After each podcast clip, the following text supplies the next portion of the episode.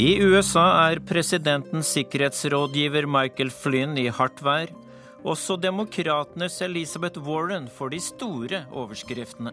We will fight Donald Trump in the courts. vil will Donald Trump i kongressen. Den 67 år gamle senatoren fra Massachusetts er blitt venstresidens darling. Aldri har et fransk presidentvalg vært mer åpent. Pressen har døpt avsløringene Penelope Gate, og det har vært høy nyhetspuls med stadig flere vendinger om nye detaljer. Russland har ikke vært så dominerende i nordområdene siden sovjettiden. De satser også på eh, godt utvikla teknologi når det gjelder undervannsbåter, så de blir stadig vanskeligere å detektere. I byen Kilis på grensen mellom Tyrkia og Syria er det flere flyktninger enn fastboende. Vel møtt til Urix på lørdag med Dag Bredvei i studio. Vi starter i Frankrike. Denne uka viste flere målinger at mannen som ledet klart den konservative kandidaten Francois Fillon, kanskje ikke kommer til siste og avgjørende valgrunde. Leder for Nasjonal Front ser ut til å kunne vinne den første kvalifiserende runden. Mens mannen som til slutt kan vinne hele valget, har aldri blitt valgt til et offentlig politisk verv tidligere. Og europakorrespondent Philip Lote, det har skjedd mye i fransk politikk denne uka, og kan du dra hovedtrekkene? Det aller meste har handlet om Francois Fions kamp både for sitt kandidatur og for sitt uh, politiske liv. Og dette er da altså etter anklager om at hans uh, kone Penelope Fion har over flere år blitt lønnet med offentlige midler for arbeid som mange mener hun da ikke har gjort, men som Fion hennes mann sier hun har gjort, og at hun har vært en verdifull støtte for han. I dag så reiser han til den eh, franskstyrte øya Reunion eh, i eh, Det indiske hav. Eh, og Det er da for å forsøke å gjenopplive kampanjen sin og forsøke å få fokus over på politikk og vekk fra hans person og familie.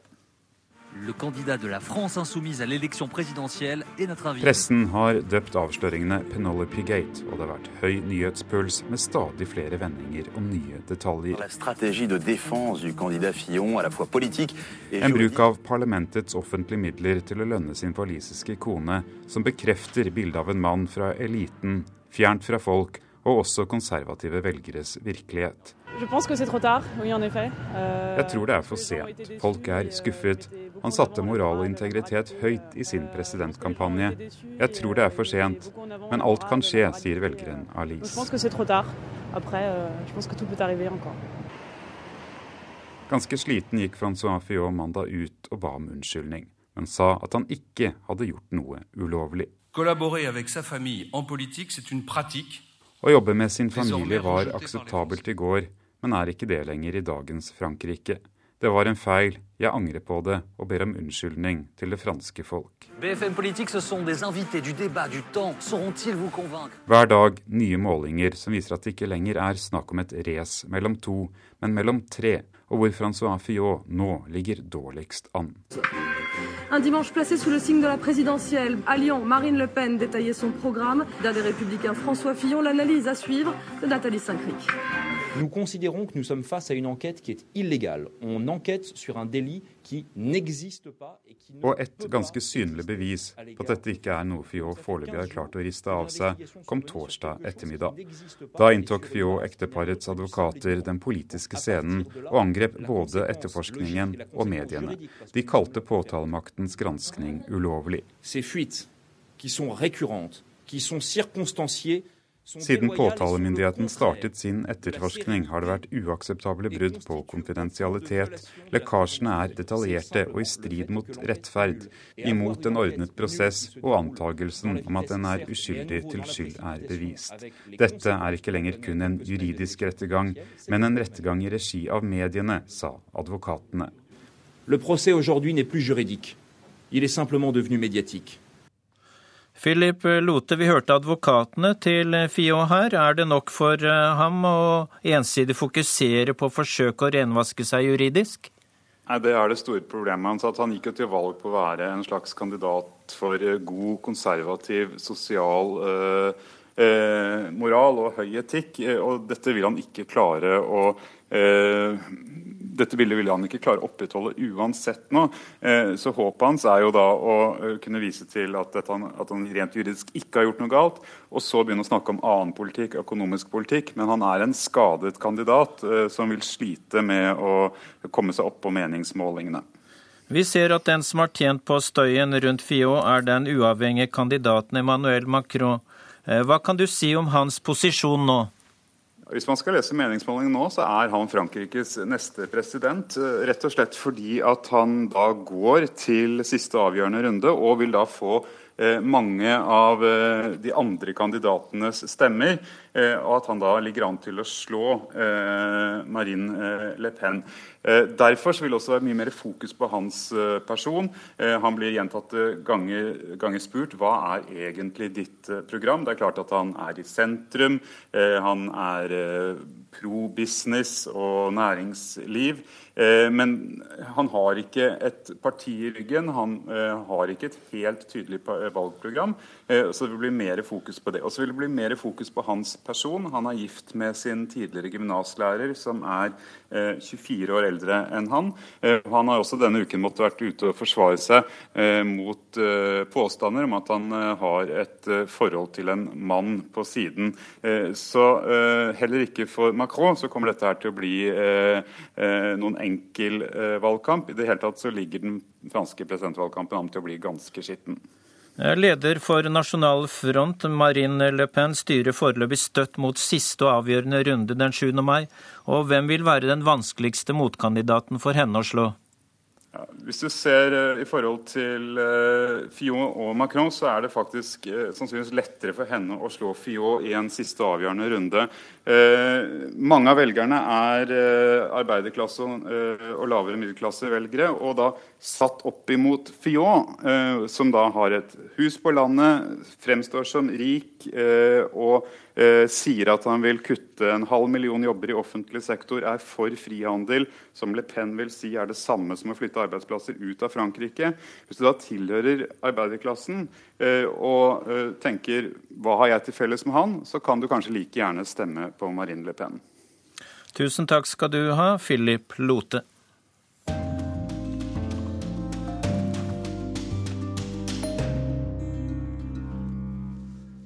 Den tyrkiske grensebyen Kilis har tatt imot flere syriske flyktninger enn sin egen befolkning. Borgermesteren i Kilis sier at sameksistensen i byen er et eksempel andre land bør se til. Likevel, ikke alle tyrkere synes det er lett å bo sammen med så mange syrere. Korrespondent Sissel Wold er i Killis og har sendt oss denne reportasjen. En liten jente i rosa jakke ser tankefullt på meg. Først litt mistenksomt, men når jeg smiler, rekker hun meg sakte en rød ball. Hun er ett av de syriske barna som er i en liten barnehage, mens moren hennes lærer å sy i etasjen over, i et murhus i byen Kilis, like ved grensen til Syria.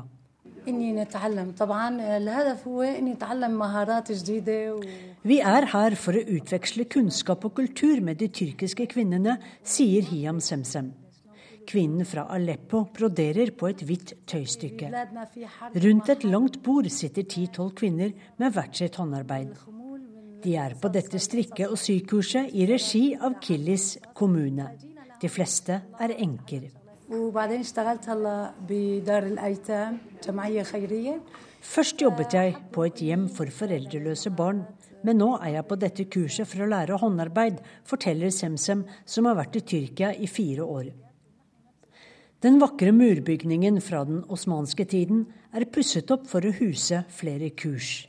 I et rom i annen etasje lærer kvinnene å bli frisører. Målet for kvinnene er at de skal kunne skaffe seg et levebrød. Det er så viktig å få kvinnene ut av hjemmet så de ikke blir isolert, sier Østland Arslan. Hun er daglig leder for dette kurssenteret.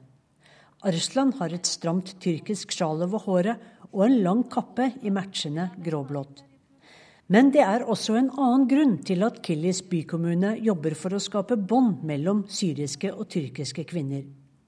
For mange tyrkiske menn har tatt seg kone nummer to blant flyktningene, eller skilt seg fra sin tyrkiske kone fordi de har funnet en syrisk en. Dette har skapt dårlig stemning, forteller en av kommunens ansatte. Mange syriske kvinner kommer til Tyrkia uten noe som helst. Ingen mann, ingen eiendeler, ingen penger. Bare med munner som må mettes. Noen finner en tyrkisk forsørger for at barna skal kunne overleve. Men tyrkiske kvinner kjemper også for å holde familiene sine sammen og holde mannen i hjemmet. Alle kvinnene på kurset har mistet mennene sine, de er uten forsørgere. Om Gud vil, lærer de seg nok på dette kurset, slik at de greier å forsørge seg selv, sier Hiam Semsem. Når de blir bedre kjent med hverandre, er de ikke så fremmede for hverandre lenger, og da vil de hjelpe hverandre, sier Østland Arslan. Uh, Men hva med syriske menn, trenger ikke de også opplæringssentre? spør jeg, siden jeg har truffet flere fortvilede nyankomne menn som ikke vet hvor de skal begynne hen her i Tyrkia. Kvinnene må komme seg ut av huset og inn i samfunnet. Syriske menn jobber jo ute uansett. Og dessuten, om kvinnen i en familie er fornøyd, blir barna gladere, og mannen også, forklarer Arslan. Før Syriakrigen var Kilis en by med 93 000 tyrkere. I løpet av fem år har denne lille byen tatt imot hele 135 000 flyktninger. Nå er 60% av innbyggerne her syrere. Bunun tek istisnası Kilis ve Türkiye'dir. Biz nüfusumuzdan fazla şu anda merkezde 93 bin Vi har tatt imot flere enn vår egen befolkning, sier borgermesteren Hassan Kara til NRK. Vi lever sammen i fred her, sier han, som er stolt av at Killis er nominert til Nobels fredspris. Vi går ut på gaten for å høre hva tyrkere i Killis synes om å dele byen sin med så mange syrere. Vi må jobbe raskt fordi politiet stadig kommer bort til oss og blir enige om at vår syriske tolk Mohammed, som også snakker tyrkisk, gjør intervjuene. Vi er ikke fornøyd med at det bor dobbelt så mange syrere her som tyrkere, mener Mehmed Ali fra Kilis. Om de får statsborgerskap, vil de få borgermesteren her, og de vil få to folkevalgte inn i parlamentet. Om syrerne blir her, ja, så må vi tyrkere dra, tror han. Jeg vil ikke leve med dem, sier Leila til oss. Vet du hvorfor de kom hit, da? spør Mohammed. Vi vet det, men jeg skulle ønske at de kunne finne seg et annet sted, svarer kvinnen. Hvor skulle de dra hen da, spør Mohammed. De kan slå seg ned andre steder i Tyrkia, men vi har ikke lyst til å bo sammen med dem her, sier den unge tyrkiske kvinnen som er kledd i en lang, grå kappe og som har dekket håret under en rødmønstret hijab. Hun mener flyktningene burde holde seg i leirene. Der kan de bo i konteinere. Vet du at jeg er syrer? spør Mohammed til slutt. Nei, det visste jeg ikke. Det kan godt hende at du er syrer, men dette fungerer bare ikke her i Killis. Uansett så er vi alle mennesker. Når alt kommer til alt, avslutter den tyrkiske kvinnen før hun haster videre. Lederen på opplæringssenteret mener derimot at Tyrkia har en forpliktelse til å hjelpe flyktninger fra nabolandet.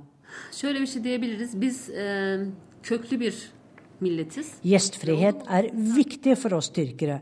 Vi må hjelpe syrerne. Og dessuten, en dag er det kanskje vi som er rammet av krig, minner Østland Arsland om.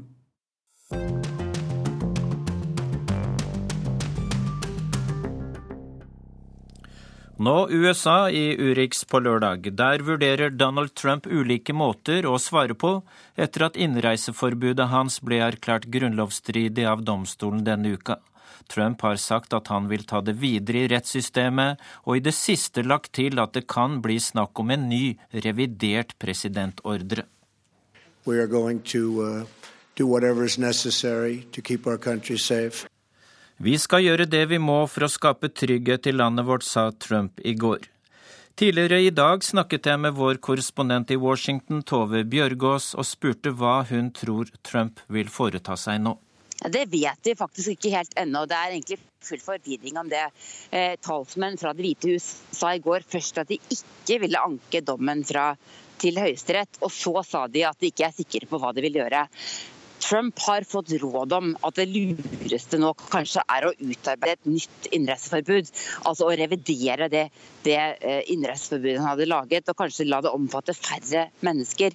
Så det, dette er noe som Det hvite hus og eh, justisminister Jeff Sessions vil ta stilling til i løpet av eh, de neste par dagene. Det kommer samtidig meldinger om at føderale myndigheter har startet en kampanje mot papirløse immigranter en rekke steder i USA. Og hva kan du si om det, Tove? Ja, The Washington Post er det spesielt som, som, melder om dette nå. At i seks ulike byer, bl.a. i Texas, i Virginia, der jeg, nær der jeg befinner meg i Washington DC, eh, og også i Kansas og i California, så skal myndighetene ha begynt å massearrestere Eh, papirløse innvandrere, og også en del ikke-kriminelle papirløse innvandrere. Og eh, I artikkelen i The Washington Post står det også at en del av disse skal være deportert allerede. Donald Trump har sagt at han ønsker å deportere et stort antall innvandrere så snart som mulig. Barack Obama eh, deporterte jo også mange innvandrere, men lot de som ikke hadde begått kriminelle handlinger, være. Eh, men nå, ifølge denne artikkelen i The Washington Post, så, så, så er det også mange som ikke har begått kriminelle handlinger som skal ha blitt anholdt i løpet av det siste døgnet. Så dette er en sak vi vil få flere meldinger om sikkert de neste timene. Mange av lytterne har kanskje hørt at en del byer her i landet har sagt at de vil beskytte beskytte eh, papirløse innvandrere mot deportasjon under Trumps regime. Eh, så Det blir spennende å se nå hvordan dette vil fortsette, dersom dette er en større kampanje Trump-administrasjonen er i gang med. Det er eh, flere problemer for Trump. Sikkerhetsrådgiver Flynn er i hardt vær, og hva er det siste der?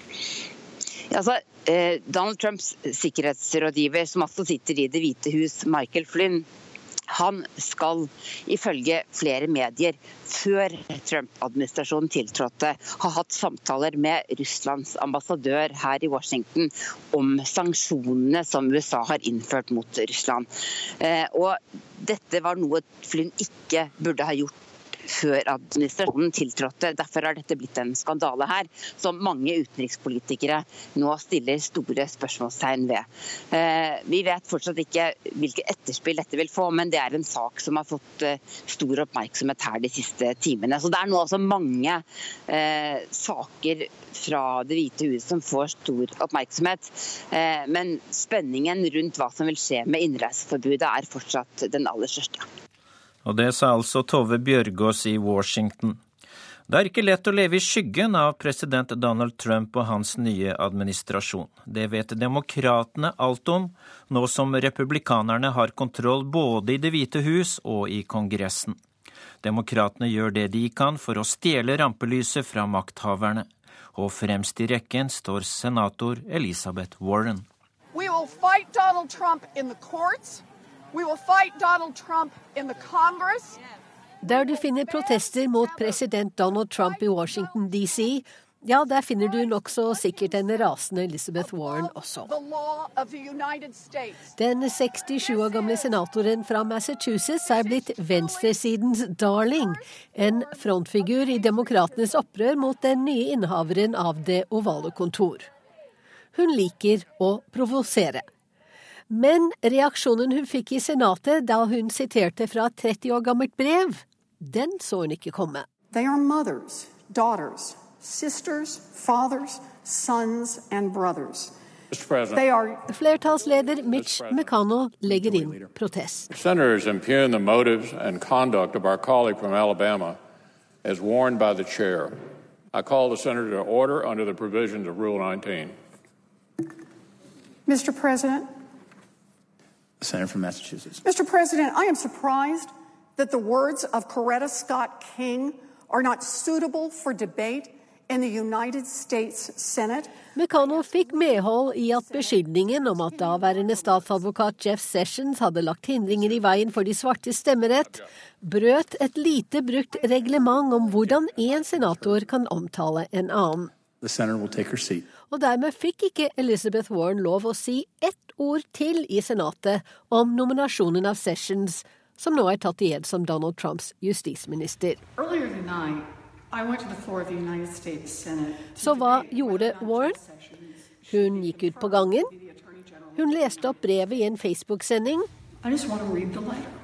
Og hun fikk mer oppmerksomhet enn hun noen gang har fått i sin fire år lange politiske karriere. Det kokte på sosiale medier. Til og med når hun er senator, blir en kvinne tvunget til å tie, skrev folk. Hun ble advart, hun fikk en forklaring, men sto på sitt likevel. She persisted, sa Mitch McConnell. Emneknaggene She persisted og Let Liz speak dukket opp på Twitter og Facebook. Og plutselig visste alle hvem den tidligere jusprofessoren fra Harvard var. Donald Trump derimot har irritert seg over henne lenge. Who, Pocahontas? Pocahontas? Well, no, she's look, look. She is. She is. Very offensive. You tell me. Oh, oh, really? Oh, I'm sorry about that. Uh, Pocahontas. Under presidentvalgkampen slo han tilbake mot hennes angrep med å kalle henne Pocahontas, en henvisning til tvilen rundt hennes påstander om at hun har cherokee-blod i årene. Elizabeth Warren er en elendig senator. Hun er fjollete, sa Trump. Pocahontas. That's this Elizabeth Warren. I call her goofy. She gets less done than anybody in the United States Senate. She gets nothing done, nothing passed. She's got a big mouth, and that's about it. Well, I got news for you, Donald Trump. Women have like Warren var en iherdig stedfortreder for Hillary Clinton på fjorårets valgkampmøter, og skal ha vært vurdert som hennes visepresidentkandidat også. Really like Slik ble det jo ikke. Men mange spør seg nå om senatoren fra Massachusetts stiller som demokratisk presidentkandidat ved neste korsvei. Hun utelukker det ikke, men konsentrerer seg i første omgang om gjenvalg til Senatet neste år. Det er nok lurt, for selv om hun nå har seilt opp som en liberal helteskikkelse, så pågår det en kamp i Det demokratiske partiet om veien videre etter fjorårets valgkatastrofe. Og det er flere som har som mål å bli partiets neste Barack Obama. Og det sa reporter Wenche Eriksen. Vi blir i USA litt til. I Nord-Dakota ble arbeidet på den omstridte oljerørledningen gjenopptatt denne uka, etter at Trump-regjeringen ga klarsignal. Av protester fra indianere og miljøvernere ble hele prosjektet satt på vent i fjor høst. Like før Barack Obama gikk av, kunne demonstrantene feire en viktig seier. Men nå er alt reversert, og demonstrantene varsler ny kamp. Joar Hoel Larsen gir oss denne oppdateringen. Are now learning Dakota Access Pipeline, long debated, now getting a green light. Mindre enn tre uker etter at Donald Trump avla eden som USAs 45. president, var anleggsmaskinene i gang igjen ved Sioux-indianernes reservat Standing Rock i Nord-Dakota. Oljerørledningen på 1800 km til rundt 35 milliarder kroner skal sluttføres. Særdeles dårlige nyheter, ifølge en miljøsympatisk nettside. We have some terrible news here for the environment, Huffington Post reports. Alle forberedelser på land er gjort, for siste etappen er å grave seg under Missouri-elven for å få plass til rørene og alt som er av stengekraner og forsvarsmekanismer. For det er denne siste biten som er den mest sårbare, ifølge demonstrantene, som kaller seg vannbeskyttere. De er rent taktisk ikke mot oljerørledningen, men de vil forsvare vannet. For dersom ledningen sprekker, vil elvevann og grunnvann, drikkevann og badevann med mer bli ødelagt, er påstanden.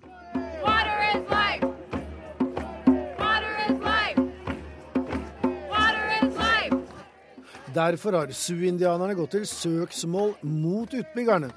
For de har ikke gitt opp håpet om å stanse utbyggerne ifølge SU-lederen Dave Archambault.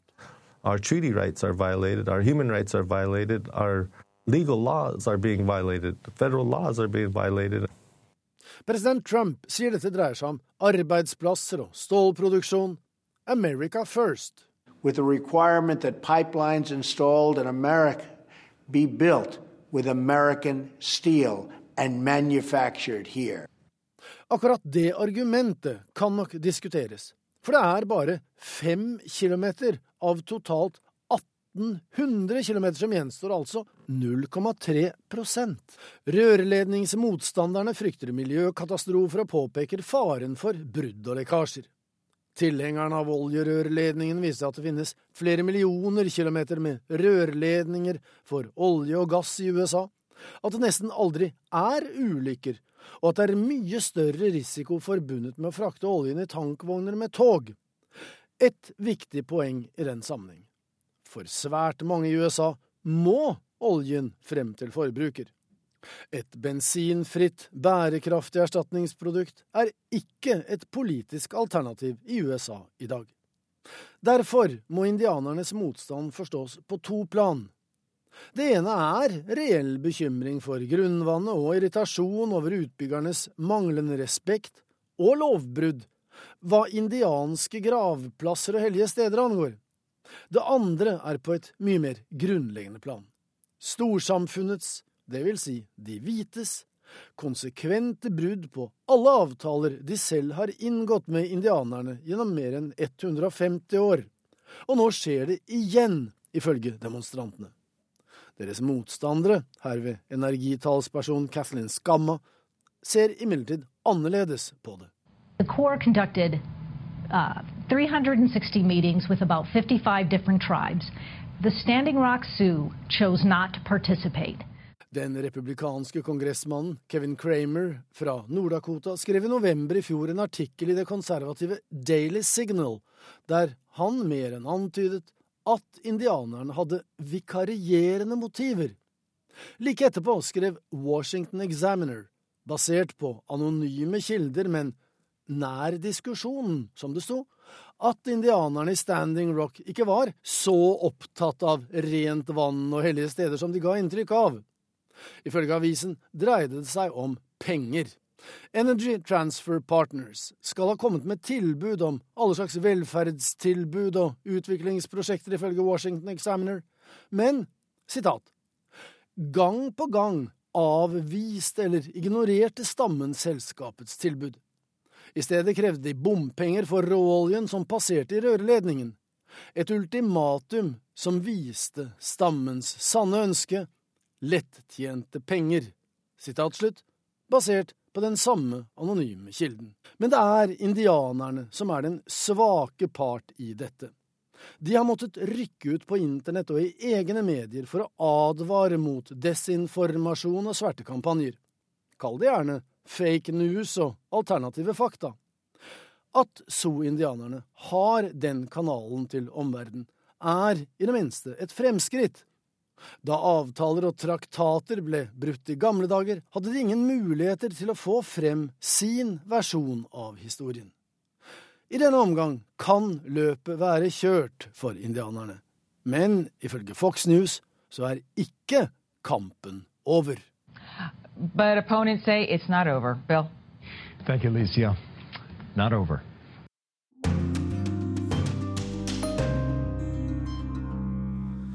Klokka er 11.31. Du hører på Urix på lørdag. Vi skal til Brasil og Tyskland, men nå fra en stormakt til en annen, nemlig Russland.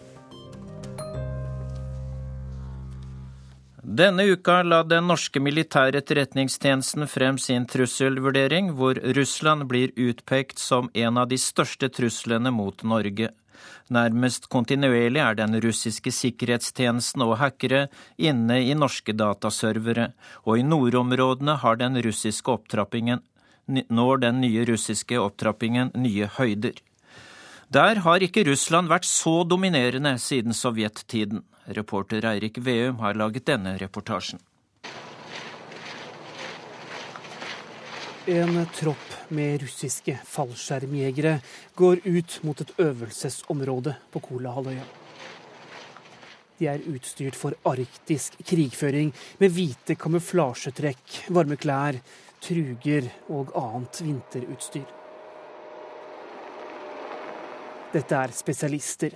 Styrken skal komme seg inn i et fiendtlig område, drepe motstanderne og ta over kontrollen. Det skal skje uten at de som angripes, rekker å gjøre særlig med motstand. Fallskjermjegerne har også tyngre støtte. Panserstyrker trent, særlig på vinterkrig. De tunge stridsvognene er dekorert med isbjørner. Ingen skal være i tvil om hva slags avdeling dette er. Arktiske krigere.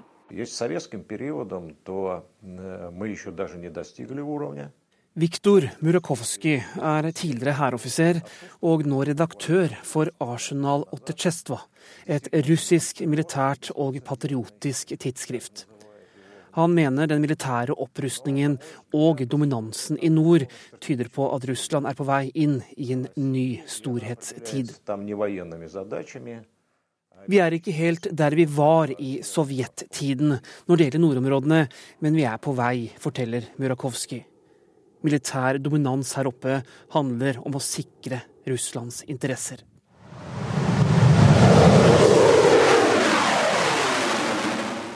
Dette er lyden av Russlands nyeste kampfly, en MiG-35, som snart vil være å se i nordområdene.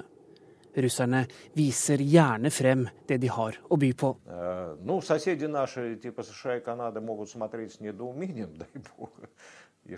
Våre naboer, som USA og Canada, reagerer kanskje på det her, men det må de bare gjøre, forteller Viktor Murakovsky. De kommer aldri til å svare oss med å ruste opp sine arktiske styrker på samme måte.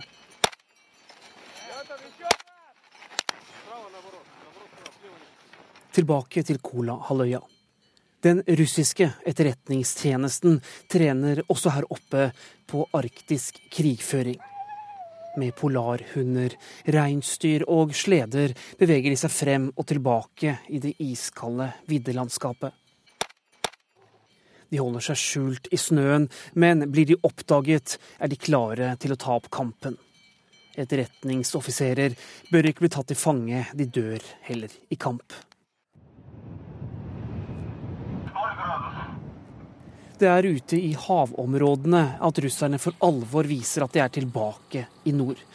Ved kaianleggene i Murmansk er det hektisk aktivitet. Noen skal på øvelser, andre ut på patrulje i Barentshavet eller Nord-Atlanteren. Gigantiske undervannsbåter glir gjennom de trange fjordarmene og ut mot havområdene. Der ute kan de ligge i flere uker. De observerer, kartlegger, overvåker. Ubåtene går lenger vestover enn før, og under vann er de nærmest stillegående og stadig vanskeligere å oppdage for Natos ubåtjegere.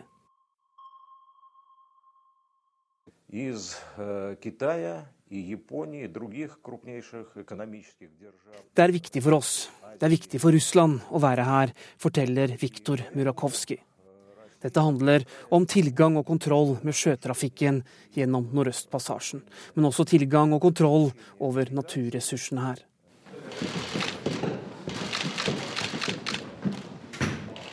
Sjefen for den militære etterretningstjenesten i Norge, Morten Haga Lunde, har lagt frem sin årlige trusselvurdering. Russland er den store utfordringen. Dataangrepene fra den russiske sikkerhetstjenesten har økt i omfang, men også den militære opprustningen i nordområdene følger Norge med på. Russland militært ser vi jo en modernisering. Eh, vi ser tilførsel av nye ubåter, nye overflatefartøy og også eh, nye fly eh, til vårt hovedfokusområde, som da er Nordvest-Russland og Kolahalvøya spesielt. Man har anskaffet seg også og får introdusert eh, nye våpen, eh, nye cruisemissil, som kan bære både eh, atomstridshode og konvensjonelle stridshode. De satser også på godt utvikla teknologi når det gjelder undervannsbåter, så de blir stadig vanskeligere å detektere. Norge kartlegger det som skjer, og deler det meste med sine Nato-allierte. Likevel vurderes ikke Russland som noen militær trussel i nordområdene. Etter endt oppdrag kommer undervannsbåtene fra den russiske nordflåten tilbake til sine baser på Kolahalvøya. Mannskapet får permisjon. Det blir hvile og vedlikehold før de drar ut igjen. Ut til havområdene for å vise sin tilstedeværelse. Vise at de har kontrollen. Vise at Russland igjen er blitt en militær supermakt.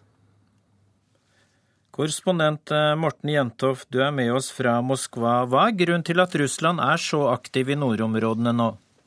Fra russisk eh, side så peker man på uh, flere ting. Uh, for det første så er det en økende internasjonal interesse for det som skjer i nordområdene pga. at isen minker.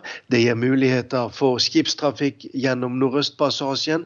Og I tillegg til det så snakkes det jo om at kanskje en fjerdedel av de uoppdagede ressursene av olje og gass de befinner seg nettopp i polarbassenget. Derfor mener Russland at det er viktig at landet er til stede i disse områdene. og Vi skal jo huske på at uh, den russiske grensen mot uh, Polhavet uh, den strekker seg over elleve tidssoner, sånn at det er jo nesten halve jordkloden da, som, som, som grenser mot Russland. og Russerne mener da at det er helt naturlig at de da også igjen da bygger opp sin militære tilstedeværelse i området. En tilstedeværelse som ble sterkt svekket etter at Sovjetunionen gikk i oppløsning på begynnelsen av 1990-tallet. Eh, vi hørte i innslaget at russerne har rustet opp med mye nytt materiell som nye ubåter og fly, og hvor omfattende er opprustningen? Omfattende opprustningen er jo relativt omfattende pga. at man da igjen da har eh, aktivisert eh, tidligere baser fra eh, sovjettiden. Eh, man har en øket kapasitet når det gjelder eh, flyplasser. Det snakkes om seks nye flybaser da langs eh, Polhavet. Og I tillegg så ser vi også en omorganisering av altså hvordan russerne da satser militært i Arktis. Man har opprettet en egen arktisk kommando i byen Arkangelsk, som har da ansvaret for egne russiske spesialister spesialstyrker som kan operere i dette området. her. Og så, som vi hørte i reportasjen, så har man også klart å modernisere deler av Nordflåten. Eh, den består jo stort sett av ganske gamle båter, bl.a. som vi så i forbindelse med denne ekspedisjonen som de hadde ned til Syria. Eh, sånn at man begynner å få nye, mer moderne krigsskip også til Nordflåten, som, som tilfredsstiller de kravene som stilles i dag. Eh, denne uka la den norske militære etterretningstjenesten fram sin trusselvurdering, og Russland blir utpekt som en av de største truslene. Med det som har skjedd i Ukraina de siste årene som bakteppe, hvor alvorlig er situasjonen i vår del av verden nå? Altså I vår del av verden så er nok situasjonen mest alvorlig i Østersjøområdet, eh, der vi jo har denne russiske enklaven eh, Kaliningrad, eh, der vi nå ser at Nato utplasserer styrker permanent i de baltiske land og Polen som et svar da på det som var mener den russiske styrkeoppbyggingen og den russiske politikken overfor Ukraina med annekteringen av Krimhalvøya. I dette området så står Russland og Nato tett overfor hverandre. Og kanskje er det i det området det er størst fare for en, eh, en konfrontasjon. Eh, ikke minst fordi vi nå har en situasjon der man snakker i liten grad sammen mellom Nato og Russland. Eh, veldig kort til slutt. Norge skal delta i Natos styrker som nå utplasseres i de baltiske landene. Blir det sett på som en provokasjon i Moskva? Ikke kanskje som en provokasjon, men man eh, er jo svært svært skeptisk til denne Nato-opprustningen i de baltiske land. Eh, det så vi senest denne uken da den russiske Viseutenriksministeren Aleksej Mishkov var ute og sa det at uh, dette er en direkte trussel mot Russland. Og i og med at Norge deltar i dette, så ser man nok også den norske deltakelsen der da, som en trussel. Sammen med den amerikanske uh, øvelsesaktiviteten i Norge med permanente marinejegere uh, stasjonert på Værnes utenfor Trondheim. Takk, Morten Jentoft i Moskva.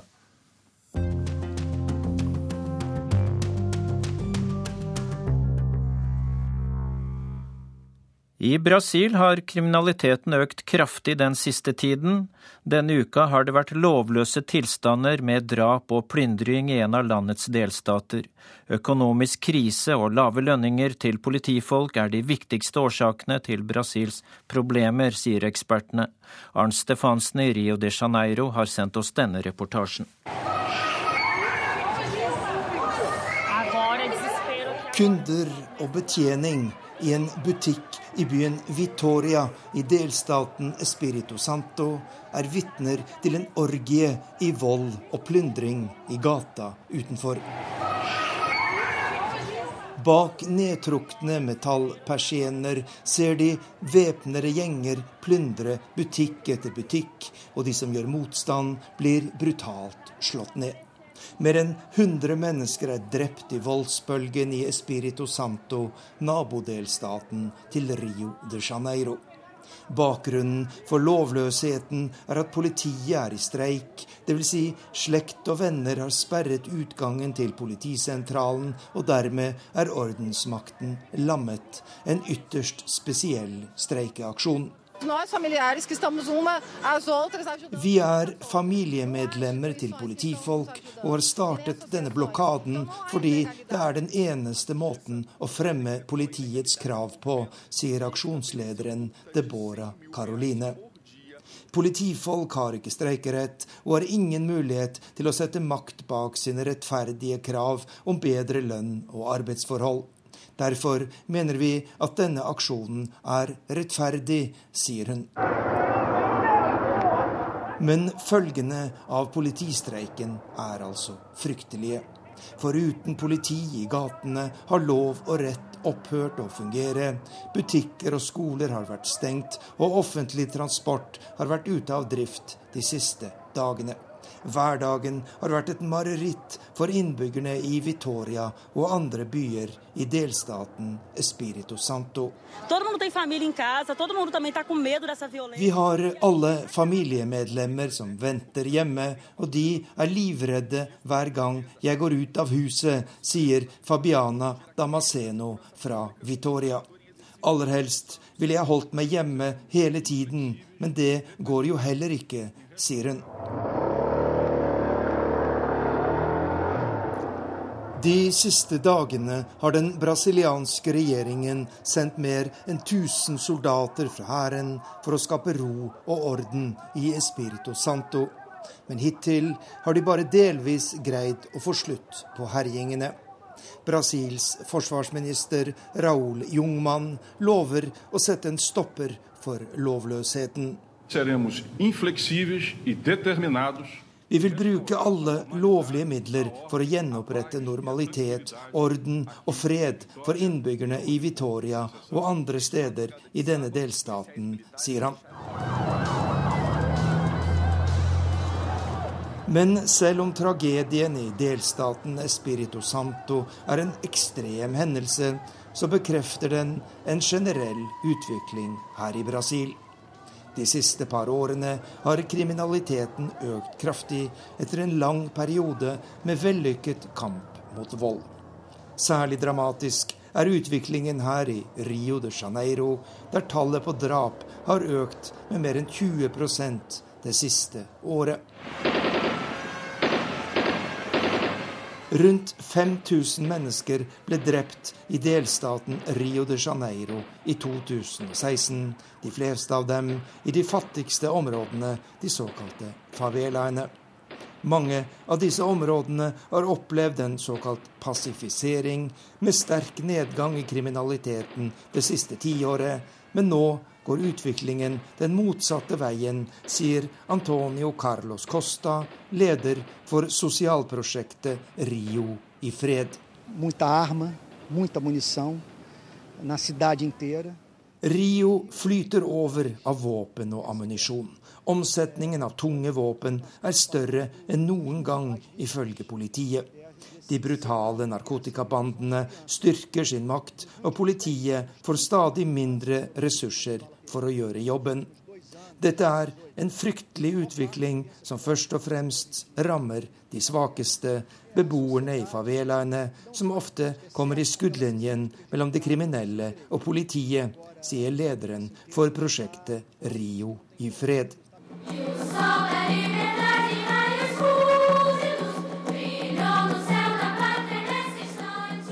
Det har gått slik mange av oss fryktet og spådde. Da fjorårets olympiske leker var over, opplevde Rio de Janeiro en kraftig blåmandag. byen sto uten penger til å lønne sine ansatte, blant dem tusener av politifolk, og sikkerheten er blitt merkbart forverret. Samtidig er Brasil fortsatt inne i en dyp økonomisk krise som gjør kampen mot kriminaliteten vanskeligere over hele landet.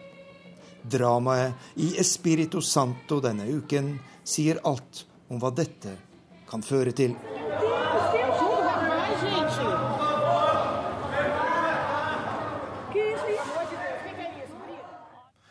Det er nå tid for å åpne ukens korrespondentbrev. Avsender er Guri Nordstrøm i Berlin. Hvis dere ikke gjør som jeg sier, så blir vi nødt til å stenge dere ute fra denne konferansen.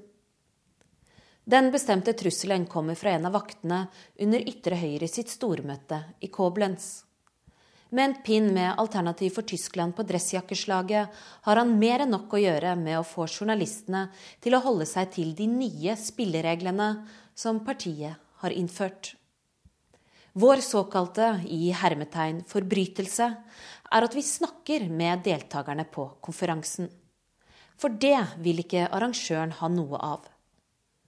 Alle vi spør derimot, vil gjerne la seg intervjue av oss og fortelle hvor stort det er for dem å komme på dette vekkelsesmøtet med de ytre høyrekreftene i Europa. Billettene til arrangementet ble revet bort på rekordtid da det ble kjent at Frauke Petri og co.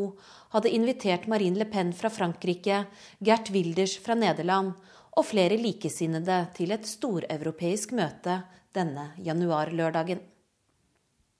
En far og en sønn har tatt toget helt fra Hannover og ser på dette som noe av det største de vil oppleve i 2017. Det som skjer her, er redningen for Europa, sier de. Et Europa de mener nå er så truet av innvandring at det er i ferd med å knele.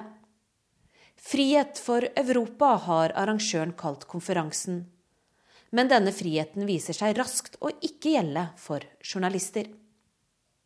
Hørte dere ikke hva jeg sa? Dere får ikke lov til å snakke med deltakerne her. Den bryske vakta kommer bort en gang til. Men hvorfor ikke? Vi må da kunne få snakke med dem som vil snakke med oss. Og det er pause i konferansen nå, så vi forstyrrer jo ingen, sier jeg irritert. Jeg får ikke noe svar. Vakta er nå på full fart bort til et nederlandsk TV-team som har brutt den samme i hermetegn regelen som vi har brutt. Med andre ord, de gjør også jobben sin. De snakker med folk. Jeg klarer ikke å la være å måtte smile litt skjevt av hele denne absurde situasjonen som jeg aldri har opplevd tidligere noe sted i Europa. Den store ironien er jo at dette partiet hevder at de snakker på vegne av folk flest, samtidig som de ikke vil la folk flest snakke. Hva er de egentlig redd for? At noen blant dem skal være løse kanoner? Og at de skal stå igjen som representanter for partiet? Enkelte av dem vi møter, er svorne Pegida-tilhengere. Er det der det ligger?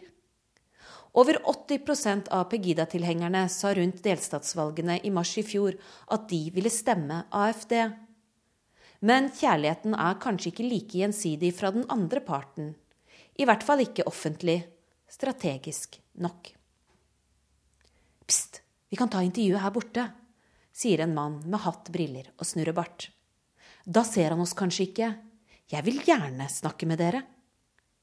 Han kommer like fra der Lorelei-klippen ligger i Rheinland Falls, og når jeg kan fortelle at sangen om Lorelei var noe av det første jeg lærte da jeg begynte med tysk i åttende klasse, og i tillegg synge en liten strofe i duett med ham om den kvinnelige ånden som lokker elvebåtskipperne i fordervelse når hun grer sine lange, gylne lokker, ja, da blir stemningen, om mulig, enda bedre. Det vil si helt til vakta kommer og avbryter igjen. Men før han bryter inn, har vi rukket å i hvert fall få noe på opptak. Duettpartneren min sier han er glad for å kunne fortelle at han nå håper Europa vil gå i samme retning som USA. Dagen før har Trump blitt tatt i ed som president, og det har gitt deltakerne her en ekstra inspirasjon. Hva syns du om at vi ikke får lov til å snakke med dere som er her? spør jeg. Men det rekker han aldri å svare på, før vi blir jaget vekk igjen. Dette er det rareste jeg har vært med på, sier min tyske fotograf. Dette er det overhodet ingen annen logikk i enn at de vil forsøke å gjøre pressens arbeid så vanskelig som mulig. Fotografen har allerede vært oppe siden før klokka fem i dag morges. Da måtte han nemlig i likhet med andre kamerafolk komme med alt TV-utstyret, slik at bombehunder kunne gå igjennom det. Med en konferanse som ikke begynte før klokka ti, var det vanskelig å forstå at kamerautstyret skulle sjekkes klokka fem om morgenen. Vi har vært på mange toppmøter i Europa, men ikke engang under G7-møtet har det vært lagt opp slik. Selvfølgelig er det strenge sikkerhetskontroller, men hvorfor klokka fem? Det fikk vi aldri noe svar på, annet enn at hvis vi ikke innfant oss med det, ja, da kunne vi i det hele tatt glemme å komme inn på hele konferansen. Vel, vi fikk i hvert fall lov til å komme inn på konferansen. Men for at vi i det hele tatt skulle få akkreditering, ble vi tvunget til å skrive under på at vi når som helst kunne bli kastet ut uten å få oppgitt noen grunn. Også det er spilleregler vi aldri har vært borti tidligere. Mange tyske kollegaer derimot ble nektet akkreditering. En av dem møter vi utenfor gjerdet. Han jobber for allmennkringkasteren ARD og tilhører den gruppa av tyske journalister som Alternativ for Tyskland ikke liker rapporteringen til. Det gjør selvfølgelig vårt arbeid vanskeligere, men vi må jo bare fortelle om hvordan de behandler oss, og hvordan de takler kritisk journalistikk, sier han. Inne på konferansen holder ektemannen til partileder fra Okkupetri, Markus Pretzel, et flammende førsteinnlegg. Mannen som de siste tre årene har representert partiet i Europaparlamentet, starter sitt innlegg med å latterliggjøre en navngitt journalist fra Frankfurter Allgemeine Zeitung. En journalist han tydeligvis ikke liker, og som heller ikke har fått akkreditering til arrangementet. Vedkommende er så glad i AFD, sier Pretzel ironisk, at han har gjort alt for å komme inn her. Tilhørerne elsker det de hører fra scenen. Jubelen står i taket. Det er som å være på et amerikansk valgmøte. Rimelig utysk. Jeg forsøker å se om de jeg nettopp har snakket med, også er med i heiagjengen. Men det er vanskelig å se det i mørket oppe fra tribunen, der vi pressefolk har blitt plassert. Hvilket annet parti ville kunne ha sagt noe slikt fra talerstolen? Hvordan ville det blitt tatt imot dersom Kristendemokratene eller Sosialdemokratene hadde startet sine møter med å skryte av at det var journalister som ikke hadde sluppet inn? Eller sett i en norsk kontekst, hva hadde vært reaksjonene hjemme dersom et norsk parti hadde gjort noe lignende? Riktignok ser det ut som om det har blitt et moteord å kalle alt man er uenig i for tida, for fake news, også blant enkelte norske politikere. Men å gå derifra til å hylle utestenging av pressen, så er det vel likevel et lite stykke? Eller kanskje er det neste steg? Det startet jo også her i Tyskland med at tilhengerne av dette partiet for et par år siden begynte å kalle all tradisjonell presse for lygenpresse. Vi er det nye Europa, ropes det fra scenen. Jubelen fra publikum vil ingen ende etter at sak og direkterapportering er levert i Dagsrevyen den kvelden, spiser jeg middag med kollegaer fra Sveits, Frankrike og Tyskland på en kneipe i gamlebyen. Alle har hatt den samme opplevelsen gjennom dagen, og alle spør seg er det dette som er det nye Europa? Er det slik det skal bli å jobbe som journalist i Europa fremover? For ganske raskt viser det seg at det som har skjedd, langt fra er et engangstilfelle. En uke senere, under AFDs partimøte i Saksen, blir en redaktør utestengt etter at flertallet av de 320 delegatene har stemt for at det er greit. Og i forrige uke kom videoen som viser at en journalist blir fysisk kastet ut når han forsøker å stille Marine Le Pen et kritisk spørsmål om misbruk av EU-midler. Til nå har vi journalister vært vant til hærer av kommunikasjonsrådgivere som produserer tåkefyrstsvar for dem de representerer, når det kommer til kritiske spørsmål. Men det å kaste noen fysisk ut for å slippe å svare i det hele tatt, er en helt ny taktikk. I hvert fall i nyere tid i Europa. Og politikerne som behandler pressen på denne måten, ser ikke ut til å tape noe på det blant sine velgere, snarere tvert imot. Marine Le Pen ligger an til å komme til siste runde i presidentvalget i Frankrike i mai. Gert Wilders ligger an til å lede Nederlands største parti under parlamentsvalget i mars. Og Alternativ for Tyskland er nå landets tredje største parti, og kommer etter all sannsynlighet inn i forbundsdagen for første gang under valget i september. Partiene som selv ønsker å komme i posisjon ved hjelp av å bli demokratisk valgt, har altså sin helt egen måte å tolke de demokratiske spillereglene på. Og hvis trenden fortsetter slik det ser ut nå, så vil de i løpet av dette året få enda mer de skulle ha sagt. Teknisk ansvarlig Vegard Tidslevold, produsent Amalie Frøystad Nærø og jeg, Dag Bredvei, takker for følget i Urix på lørdag denne formiddagen.